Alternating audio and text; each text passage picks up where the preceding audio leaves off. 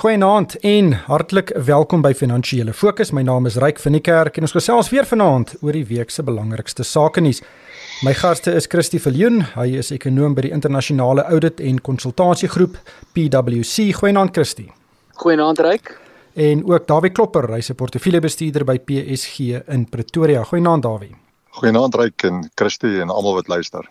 Christie, ek wil sommer by jou begin en ek wil ook in die buiteland begin want baie Wenkbroue het gelig hierdie week toe die Amerikaners hulle inflasiesyfers vir April bekend gemaak het en dit was 4,2% vir April. Nou dit is baie hoër as die 2,6% waarop dit in Maart gestaan het. Dit was baie hoër as wat uh, selfs die Federale Reserve verwag het. Dis die hoogste inflasiekoers in Amerika sedert 2008 en dit is dubbel die Federale Reserve se eie inflasieteiken van so 2%. En baie mense en beleggers was bekommerd want hoër inflasie kan tot hoër rentekoerse lei. Wat het jy van die situasie gedink en van hierdie 4,2% syfer? Ja kyk 4.2% is vir ons as Suid-Afrikaners nie 'n vreemde syfer. Ons het hom al baie gesien, maar vir die Amerikaners is dit nog 'n hoë syfer. Begin van die jaar in Januarie was hulle inflasie 1.4% byvoorbeeld. Dis 'n baie meer normale vlak vir hulle. So hierdie was nou hoog en hy was ook onverwags hoog geweest. So die die onsekerheid hier is, is dit tydelik of is dit permanent? So ons weet daar is 'n bietjie basiseffekte. Nou wat dit nou eintlik beteken is dat April maand laas jaar was inflasie baie laag geweest wees weens die COVID situasie. So hierdie is nou soort van 'n statistiese sprong. Maar ons weet ook dat daar is redelik druk op inflasie, nie net in Amerika nie, maar wêreldwyd, want kommoditeitspryse het geklim. So as jy kyk byvoorbeeld by voedsel, die die dollarprys vir melk en suiker en koffie en mielies en rys, dis alles 10-15% hoër as hierdie tyd verlede jaar. So daar's verseker druk uit 'n regtig uit 'n prysoogpunt uit. En jy's heeltemal reg. Die die kwessie is inflasie in Amerika raak ons as Suid-Afrikaners nie direk nie, maar dit gaan oor die rentekoers. En die vraag is nou, hoe gaan die Amerikaanse sentrale bank nou reageer? En vir ons is dit belangrik want indien rentekoerse globaal styg en ook dan nou in ontwikkelde markte, dan is daar die oorweging wat ons Reserwebank moet neem oor is ons as Suid-Afrika se rentekoerse op die regte plek. Nou Ons wil nou natuurlik nie sê dat Amerikaanse rentekoerse 'n direkte impak het op wat die Reserwebank besluit nie. Hulle vergader natuurlik hierdie komende week weer om te kyk na rentekoerse. Maar ons as 'n ontwikkelende mark het altyd so 'n redelike marge tussen ons rentekoers en die Amerikaners. En as daai rentekoers marge kleiner word, sit dit druk op die rand wat natuurlik weer druk sit op ons invoerkoste en op die ouende inflasie. So inflasie in Amerika self is nou nie vir ons 'n groot probleem nie, maar dis daai rentekoersvraag. En ja, ja, die rentekoerse word hier oor 'n paar dae is daar weer 'n persverklaring en 'n aankondiging. So dit gaan interessant wees om te sien of ons Reserwebank enige kommentaar het oor hierdie inflasiedruk wat ons nou in Amerika sien.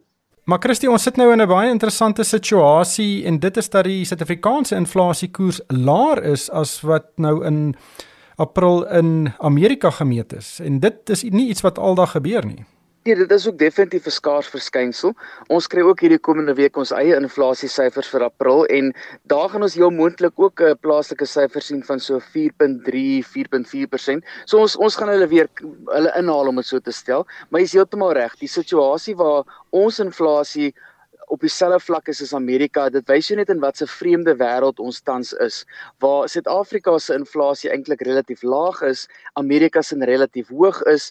Dit gebeur baie selde en uh, dit maak dit natuurlik vir ons as ekonome en, en analiste oor die algemeen, dit maak dit vir ons moeilik om te dink waar gaan hierdie syfers wees oor 6 maande, oor 12 maande en dan daai vraag te beantwoord waar almal altyd bekommerd is, wat gebeur met die rentekoerse, wanneer gaan hulle op en hoeveel gaan hulle opgaan? Dawie, wat uh, is jou siening oor hierdie storie? Ek dink die een ding wat ons tog net moet van kennis neem en dat daar 'n klein nuance verskil in die Federale Reserveraad se woorde begin kom het. Hulle begin praat van hulle teiken gemiddelde inflasie van 2% en nie meer 2% per se nie. Ons weet nou hierdie syfer is baie hoër as dit. En as jy praat van 'n gemiddelde inflasiekoers dan kan hy 'n bietjie verby die 2 gaan om die gemiddeld op te trek na 2 toe as hy nou vir 'n ruk lank onder 2 was. En dit gee so 'n bietjie ruimte vir die Reserveraad, Federale Reserveraad in die FSA om dalk net so 'n bietjie die kat uit die boom uit te kyk voordat hulle reageer wat hulle rentekoerse aanbetref. Ehm um, en ek die vraag is dan Christie het hom ook nou gevra so, tot watter mate is hierdie syfer tydelik en of nie tydelik nie. En ja, daar is wesentlike druk aan die opbou dat hierdie syfer dalk nie net tydelik gaan wees nie. So miskien reageer hulle nie vinniger gaan hulle eerder dalk stadiger as vinniger reageer, maar die druk is aan die opbou inderdaad wat dit aanbetref.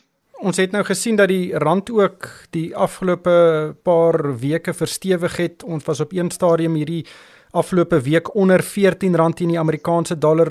Dawie, watse rol dink jy het hierdie inflasie syfer uh, gespeel om die rand so sterk te maak? Ja, hy kon in 'n mate 'n rol gespeel het veral met dit wat jy ook nou na verwys het dat ons inflasiekoers ehm um, vir 'n slag baie naby aan die FSA inflasiekoers is. So dit beteken daai gaping is so bietjie is alles omtrent glad nie 'n gaping op die oomblik nie. En dat dit help natuurlik die wisselkoers dink ek ondersteun gee ondersteuning aan die wisselkoers, maar daar's 'n belangriker faktor wat die wisselkoers ondersteun het die afgelope week en maand en maande nou al en dit is natuurlik sterk kommoditeitspryse in die wêreld van ystererts, koper palladium, rhodium, al hierdie uh, metale is baie sterk. Ons is groot uitvoerders daarvan en de, en dit ondersteun die sentiment rondom dit en die feit dat ons daardie ekstra inkomste kry ondersteun die rand. So daar's 'n hele klompie faktore wat nou saamwerk op die oomblik om die rand te ondersteun. Hierdie rentekoersverskil of inflasieverskil tussen met die FSA, die kommoditeitspryse en natuurlik die feit dat ons in Suid-Afrika nog baie hoë rentekoerse het in vergelyking met dit wat in die res van die wêreld beskikbaar is. Dit ondersteun ook die rand. Christie, gepraat van kommoditeite, ons het hierdie week gesien dat daar 'n uh, geweldige toename was in mynbouproduksie in Suid-Afrika. Die syfer in Maart was 20% hoër as wat dit in Maart verlede jaar was en Neil Froneman van Sibanye het byvoorbeeld gesê hy dink Suid-Afrika staan op die vooraand van 'n super kommoditeitssiklus en en ek dink ons moenie onderskat wat se positiewe bydrae dit tot ons ekonomie kan maak nie. Definitief, mynbou was vir baie baie dekades en eeue lank 'n drywer van ons ekonomie en natuurlik die afgelope dekade of twee nie meer so belangrik in terme van die bydrae tot BBP en in diensname nie, maar definitief uit die oogpunt van ons inkomste uit uitvoere is mynbou nog steeds baie baie belangrik. So dit het 'n groot impak op die die lopende rekening, dit het 'n impak op die rand. Uh, natuurlik is dit steeds 'n groot indiensname faktor en uh, mynbou bly vir ons steeds baie belangrik. So ons hou altyd 'n oog op hierdie kommoditeitspryse en met hierdie syfers wat nou vir Maart maand uitgekom het, is daar natuurlik so 'n bietjie positiwiteit oor die eerste kwartaal se BBP syfers. Ons kry dit eers omtrent oor 'n maand, maar ons kry die die boodskap dat ten minste uit die mynbou oogpunt is dit positief. Uh mynbou is weer eens 'n 'n groot kliënt van ons vervaardigingssektor. So daar's ook weer 'n bietjie goeie nuus. Uh so die mynbou syfers wat die afgelope 6 of 8 maande so positief lyk, ek dink dis een van die min ligpunte wat ons uh, so sedert Augustus September laas jaar gehad het in terme van ons ekonomie. Uh dit is nie noodwendig omdat produksie meer is nie, maar definitief die hoër kommoditeitspryse soos wat Dawie dit nou net genoem het. En uh ja, jy's reg, uh, uit 'n dollar oogpunt steenkoolpryse is op 25% oor die afgelope jaar, ystererts op met 37%. Ehm um, platinum produksie is aansienlik hoër omdat die myne natuurlik meer operasioneel is. Daar's nou 'n aansienlike stygende vraag vir platinum wêreldwyd soos wat voertuigproduksie beweeg na meer, kom ons noem dit nou maar groen tipe voertuie en die pryse is ook in ons guns. So uit 'n uit 'n ekonomie wat op hierdie stadium nog baie sukkel om regtig waar terug te kom op sy voete en as ons nou kyk na die risiko van sterker eh, grendelbeperkings wat dalk voorlê, dan is hierdie een van die goeie goed wat ons aan vasgryp. Dis goed vir die land, dis goed vir die ekonomie, dis goed vir die BBP syfers. So ek is baie bly ons kon darm so 'n stukkie positiewe nuus um hierdie week ook kry in daai opsig. Dis ook goeie nuus vir die belastinggader want die belasting wat die uh, bedryf betaal het ook dramaties gestyg die afgelope ruk. Maar Dawie, kom ons gesels oor die grootste koöperatiewe nuus van die week en dit is uh Naspers en Prosus wat weer probeer met 'n interessante transaksie die diskonto waarteen hulle verhandel teen hulle groot belang in Tencent om dit te verminder. Nou hulle het 'n aandele ruil voorstel op die tafel geplaas waardeur Prosus 'n aanbod gaan maak aan Naspers aandeelhouers en hulle wil dan Prosus aandele verruil vir hierdie Naspers aandele. Die verhouding is 2,27 Prosus aandele vir 1 Naspers aandeel en Prosus wil deur hierdie transaksie sy belang in Naspers met 45 tot 49,5% opstoot en dan uh, sal Naspers se belang in Prosus van 73% tot 57% daal. Dit is 'n baie ingewikkelde transaksie. Dink jy Naspers aandeelhouers en Prosus aandeelhouers gaan hierby baat? Die mark is op die oomblik nie baie tevrede met die transaksie nie. Die aanvanklik was daar so 'n bietjie positiewe reaksie nadat die transaksie bekend gemaak is sedertdien het die aandeleprys maar weer teruggesak. Die transaksie gaan nie goed af in die mark nie daar is onsekerheid oor die impak wat die kapitaal die impak wat dit op belasting van individue gaan hê wat die Naspers aandele sou ruil vir Prosus. Hulle gaan waarskynlik kapitaalwinsbelasting moet betaal. En dit was in die eerste ronde al toe Prosus gevestig gevorm is alreeds 'n probleem gewees dat die individue wat Naspers aandele besit nie lus is om die kapitaalwinsbelasting nou al te betaal nie. Ek sien Naspers sê ag liewers Prosus sê nee, maar dis nie 'n probleem nie. Dis dit bring maar net die belasting vorentoe want erns gaan jy dit tog betaal en dit is waar, maar mense hou nie daarvan om om voortydig belasting te betaal nie. So die transaksie gaan nie goed af nie. Dit slaag nie werklik daaraan en ek wil mos amper sê dit slaag glad nie daaraan om op die oomblik die ehm um, diskontos toe te maak nie en die punt is net amper hulle sal met 'n uh, meer ehm, 'n um, beter transaksie na die tafel toe bring as dit dan die groot doel is om die, om die diskonto toe te maak. Natuurlik vir Prosus aandele is dit nie 'n slegte transaksie vir Prosus aandeelhouers nie want hulle koop die diep verdiskonteerde Naspers aandele of die aandele wat teen 'n groot diskonto verhandel ehm um, aan en dit behoort vir Prosus tot tot voordeel te strek maar die mark is nie hieroor opgewonde nie glad nie om die minste daarvan te sê en tot tyd dan wel 10 sent nie uitgedeel gaan word aan die aandeelhouers nie gaan die gaping of die diskonto nie werklik toegemaak kan word nie. Ehm um, ja so ek dink baie groot transaksie wat 'n klomp geld dalk vir die koöperatiewe ehm um, adviseurs tot gevolg gaan hê, maar nie werklik vir die aandeelhouers tot groot voordeel is op hierdie oomblik nie. Mens moet nou nie misken dat hierdie seker een van die beste beleggings ooit in die geskiedenis. Naspers se aandeleprys het net absoluut ontplof weens hierdie belegging in Tencent en dis amper vir my asof dit absoluut die hele groep oorheers. Dis amper soos Capitec wat PSG heeltemal oorheers het. PSG toe gegaan en die Capitec aandele gaan ontknoop aan sy aandeelhouers en basies weer gaan kyk dit na sy oorblywende besighede om hulle ook te groei soos wat hulle Capitec gegroei het. Hoe lank dink jy gaan dit wees voor Naspers dalk self sy belang in Tencent ontknoop aan sy aandeelhouers? 'n Mens moet besef dit is die gans wat die goue eiers lê vir die Naspers bestuur Ehm um, en hulle bonusstruktuur is gekoppel aan hoe goed ook Tencent vaar en die hele portefeulje vaar. So dit dit tensy daar nie nog daar gaan nog wesentlike druk op hulle geplaas word om 'n behoorlike ontknoping toe ehm um, te te bewerkstellig. Hoe lank nog moeilik om te sê. Die feit van die saak is die Capitec PSG transaksie het uiteindelik baie waarde toegevoeg tot aandeelhouers. En wat jy dan nou reg sê, die PSG groep stuk wat die die die die stukke wat oorbly fokus die bestuur om nou te gaan soek vir weer 'n groot transaksie en hoef hulle nie blind te staar teen die geweldige impak wat Capitec op die groep gehad het nie. Dieselfde kan met Naspers gebeur. Die bestuur het mos nou al 'n slag of wat bewys. Hulle kan nuwe geleenthede raak sien ontwikkel, maar dit word die hele tyd verdwerg deur die impak wat Tencent op daardie transaksies het. So gee Tencent vir die aandeelhouers en laat die en dat en dat die aandeelhouers wat dan nou oorbly met Naspers of Prosus self besluit of hulle dan die bestuur verder wil vertrou om weer vir ons en vir aandeelhouers dan nou ehm um, ehm um, nuwe 'n nuwe Tencent raak te sien. Ehm um, in raak te vat en in daarin te belê. So op hierdie oomblik moeilik om te sê hoe lank hulle nog gaan kan uithou hierdie druk waaronder hulle verkeer, maar verseker hierdie transaksie gaan nie die druk van hulle afhaal nie. Christie, kom ons gesels oor nog 'n uh, 'n storie wat ek dink uh, baie belangrike uh, gevolge vir Suid-Afrika kan hê. En dit is die loononderhandelings wat tans plaasvind oor verhogings vir staatsamptenare. Nou die vakbonde en die regering, hulle is, is eintlik by 'n dooie punt. Vakbonde eis meer as 7% salarisverhogings. Die regering sê hulle gaan nie enige verhogings toestaan nie. Daar's nou reeds 'n internasionale mediator wat ook betrokke is. Hoe hoe sien jy hierdie storie?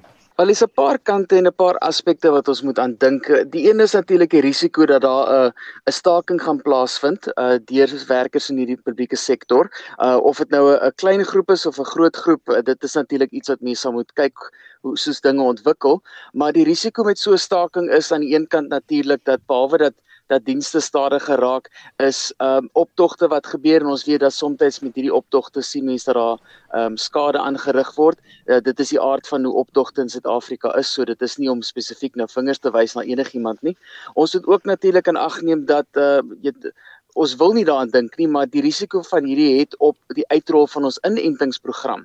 Uh ons wil natuurlik nie sien dat daar enigsins druk geplaas word op ons gesondheidstelsel op hierdie stadium nie, want ons is reeds agter met ons inentingsprogram en in breër gesien uit 'n fiskale oogpunt die vernouing van die begrotingstekort wat ons regering in die volgende paar jaar moet regkry om staatsskuld te laat stabiliseer is sterk gegrond en sterk gebou op die verbetering en die vermindering en die meer effektiewe aanwending van salarisse wat betaal word aan staatswerkers. So die huidige traject wat beplan word is afhanklik van hierdie ooreenkoms waar daar geen stygings is nie. So indien daar staking is en op die einde is daar nou 'n ooreenkoms en 'n oplossing wat wel insluit dat daar verhoging in in staatssalarisse is, dan gaan dit natuurlik druk plaas op die begroting. Ons weet soos jy gesê het net nou die mynbou het vir ons 'n bietjie ekstra geld ingebring maar dit sal heeltemal uitgevee word en nog nog meer indien ons meer salarisse moet betaal. So hier is ons baie hoeke om van na te kyk in hierdie situasie en soos ek sê mense wil nie dink aan die gesondheidssituasie nie en die uitrol van die inentings nie maar dit is natuurlik 'n wesenlike risiko wat ons glad nie kan bekostig op hierdie stadium nie. So dit is iets wat nie vinnig opgelos word nie en dis dat daar's uh, wetlike aspekte betrokke, die howe is betrokke en ons gaan as Suid-Afrikaners kan ongelukkig net sit en wag en kyk totdat daar 'n antwoord en 'n oplossing is. Ek dink daar is 'n persepsie veral uit die private sektor dat die vakbonde nie verstaan wat in die land aangaan nie. Verlede jaar het baie mense in die private sektor hulle werk verloor of ten minste ook 'n deel van hulle inkomste en dit is onregverdig vir die vakbonde om nou 'n dubbeld die inflasiekoersverhogings te eis. Ek hoop dat daar is 'n uitkoms wat uh, ten minste weerspieël wat in die land gebeur. Dawie net laastens nog 'n interessante storie was dat die voormalige direkteure van Techie Town het aansoek gedoen vir Steinhoff se likwidasie. Hulle voel hierdie groot skikkingsooreenkoms wat Steinhoff op die tafel gesit het om al sy skuldeisers uh, se se eise te skik is onregverdig. Hulle sê sommige krediteure gaan 100 sent in die rand terugkry en hulle besigheid wat hulle aan Steinhoff verkoop het of eh, soos eh, Bernard Moster dit gestel het, hoe Steinhoff dit van hulle gesteel het, uh, hulle gaan net 5 sent in die rand kry en daarom doen hulle nou aansoek vir die likwidasie. Wat dink jy van die storie? Ja, ehm um, Ryk, ek dink mens moet sê dat die transaksie was te goed vir sommiges, maar sleg vir ander en vir 'n groot groep ander mense. In die transaksie kon nie eintlik dink ek staan om hierdie onderskeid te tref tussen die verskillende partye nie. So ek is nie verbaas dat uh, eh, Tekitown tog hierdie aansoek gebring het nie. Ehm um, ek dink ehm um, in die situasie soos hy ontwikkel het is dit ehm um, glad nie dan soos ek gesê het 'n verrassing nie en was ehm um, dit onregverdig teenoor diegene wat nou met 5 sent aanvaar en terwyl daar 'n ander groep is wat aansienlik meer sou kon kry vir hulle aandele soortgelyke transaksies, soortgelyke besluite wat hulle moes geneem het en onder soortgelyke ins um, inligting waarin die besluite geneem is. Die feit dat hierdie uh, partye wat dan nou hierdie voorkeurbehandeling kry, miskien um, gedink het hulle beskik oor meerdere inligting skep um, maak nie dit regverdig dat hulle meer kan ontvang vir hulle aandele wat hulle geruil het en dan staan of toe nie. Hulle tipies PSG aandele geruil na staan of se kant toe. Ek dink die die die Tekitown mense het rede om ongelukkig te wees. Hulle het in 2016 die uh, besigheid verkoop aan Steinhoff vir 3,2 miljard rand. Hulle het Steinhoff aandele as betaling gekry en omtrent 'n jaar later het uh, die bom om Steinhoff gebars. Marcus Jooste het bedank en die ongeruimthede het aan die lig gekom en nou 'n hele paar jaar later ingevolge hierdie skikkingsooreenkoms sal hulle omtrent net so oor, oor 110 miljoen rand terugkry daardeur. So miskien uh, uit daardie perspektief maak dit sin dat hulle aansoek doen daarvoor. Maar ongelukkig het die tyd ons ingehaal. Baie dankie aan Christie Viljoen. Hy is 'n ekonoom by PwC en ook Dawie Klopper van PSG in Pretoria. En van my ryk van die kerk, dankie vir die saamluister en ek hoop almal het 'n winsgewende week.